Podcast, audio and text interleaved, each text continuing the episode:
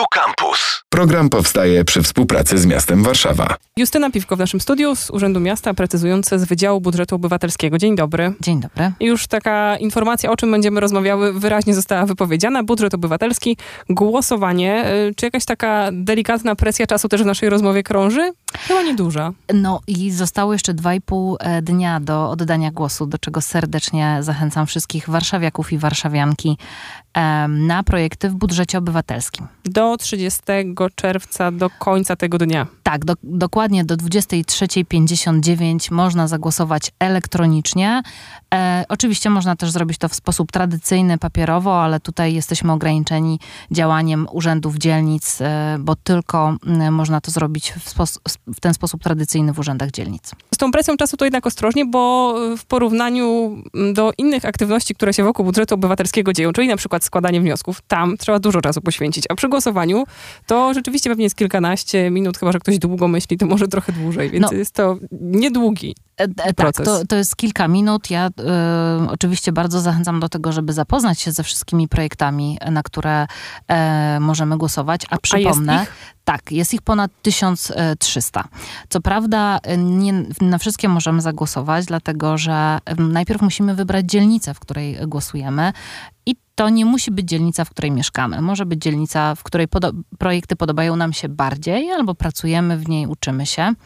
W tej dzielnicy wybieramy do 15 projektów, więc e, warto zapoznać się z tymi wszystkimi e, dostępnymi w danej dzielnicy, a później przechodzimy do e, poziomu ogólnomiejskiego i tu mamy ponad 130 projektów do wyboru.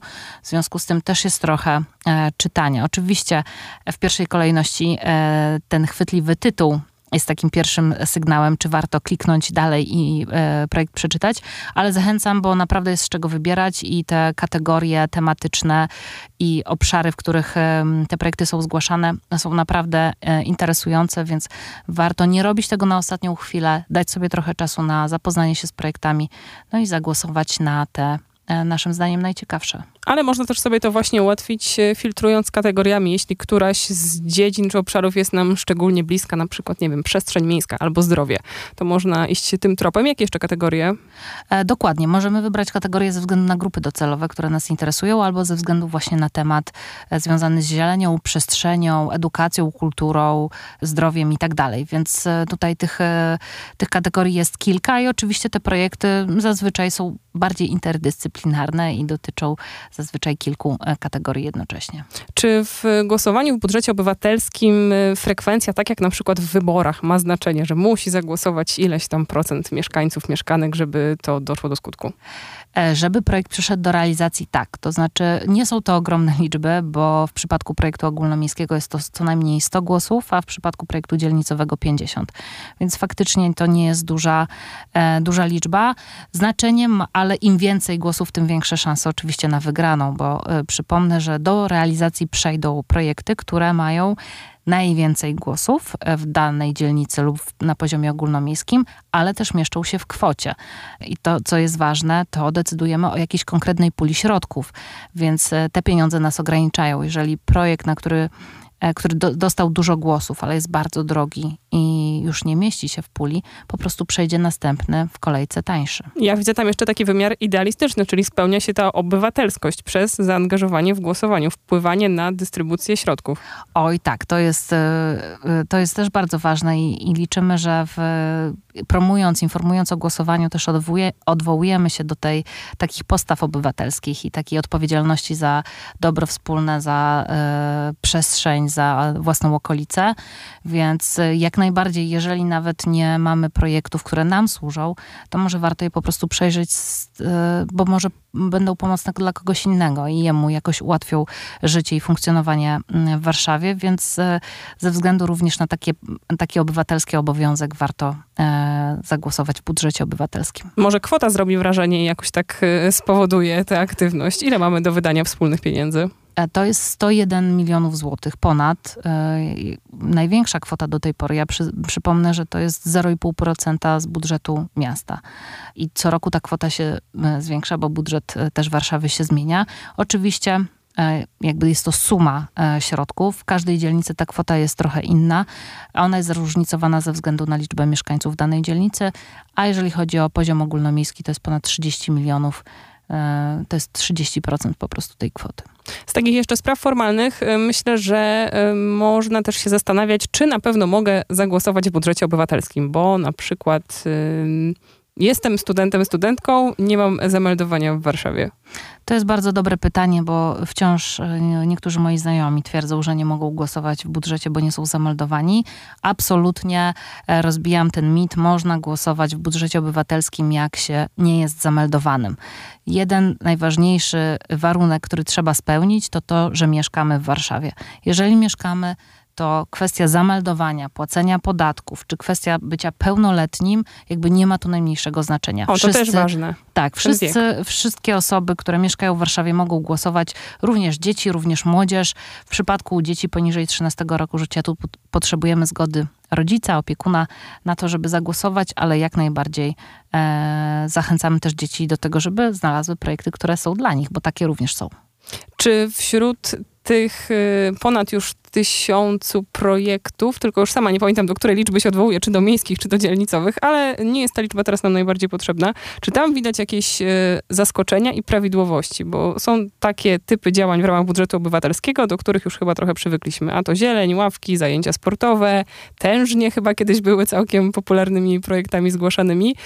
Y, co w tym roku wśród projektów? Z kategorii nowe, ale też z kategorii dobrze znane.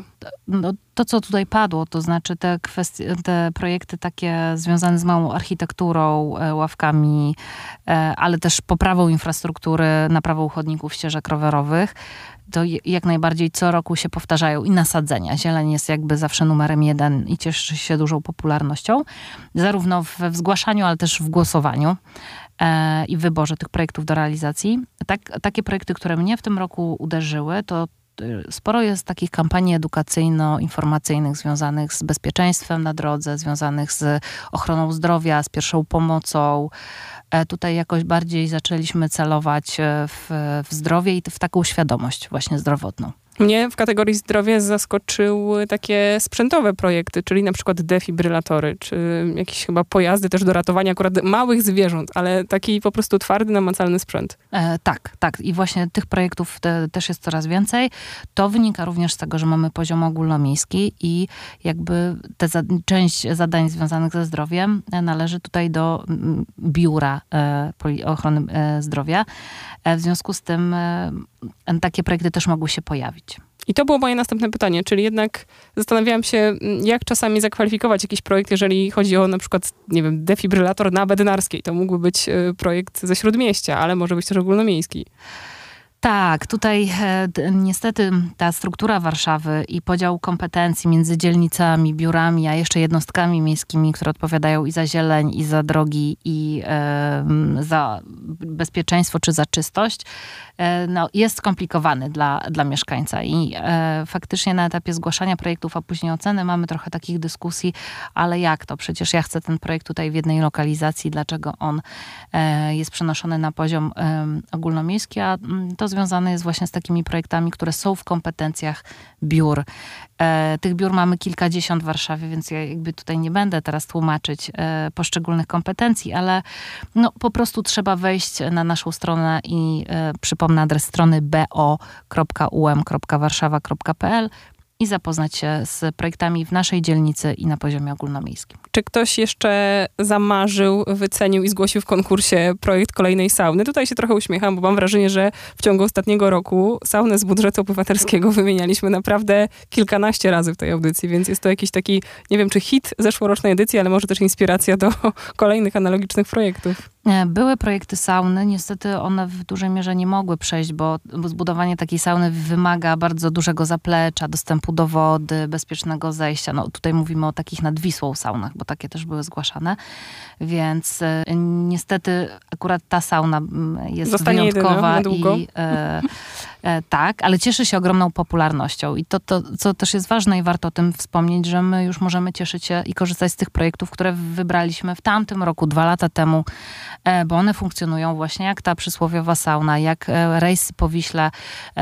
Teraz organizowaliśmy konferencję prasową na start głosowania właśnie nad Wisłą, a później pływaliśmy tymi barkami, które nie są z budżetu same barki, ale sam rejs e, z budżetu obywatelskiego już jest, więc zachęcam też, żeby śledzić stan realizacji projektów, na które głosowaliśmy w tamtym roku i skorzystać z nich. Może e, właśnie znajdziecie coś dla siebie. A głosujemy, myślę, że to też istotne, na 2023. Tak, głosujemy na projekty, które będą zrealizowane w przyszłym roku ta odroczona korzyść i przyjemność niestety jest wpisana w budżet obywatelski i to trochę też wynika ze struktury Warszawy, bo w innych miastach to głosowanie jest później i szybciej można cieszyć się efektem realizacji. No my głosujemy e, w czerwcu, więc będziemy musieli trochę na tą realizację poczekać, ale tak jak mówię, już są te projekty z tamtego roku, więc e, na pewno z czegoś można skorzystać. Pojawił się kluczowy adres boumwarszawa.pl. Jak się przygotować formalnie do tego głosowania? Wspominałyśmy o tej możliwości analogowej w urzędach, a jeśli cyfrowo, myślę też o pewnych danych, które, o które być może zostaniemy zapytani, jak to jest e, zorganizowane, jak to się odbywa. E, tak, w pierwszej kolejności musimy podać adres mailowy, e, żeby w ogóle dostać link do, do głosowania. Z też z taką informacją, że ten adres mailowy możemy wykorzystywać kilkukrotnie, czyli jeżeli chcemy pomóc dziadkom w głosowaniu albo dzieciom, to jak najbardziej mogą skorzystać z naszego adresu mailowego, ale później już jak ten e, link do głosowania przyjdzie na nasz adres, to wtedy wybieramy projekty dzielnicowe, ogólnomiejskie i na końcu faktycznie musimy podać nasze dane, czyli imię i nazwisko, miejsce zamieszkania oraz numer PESEL.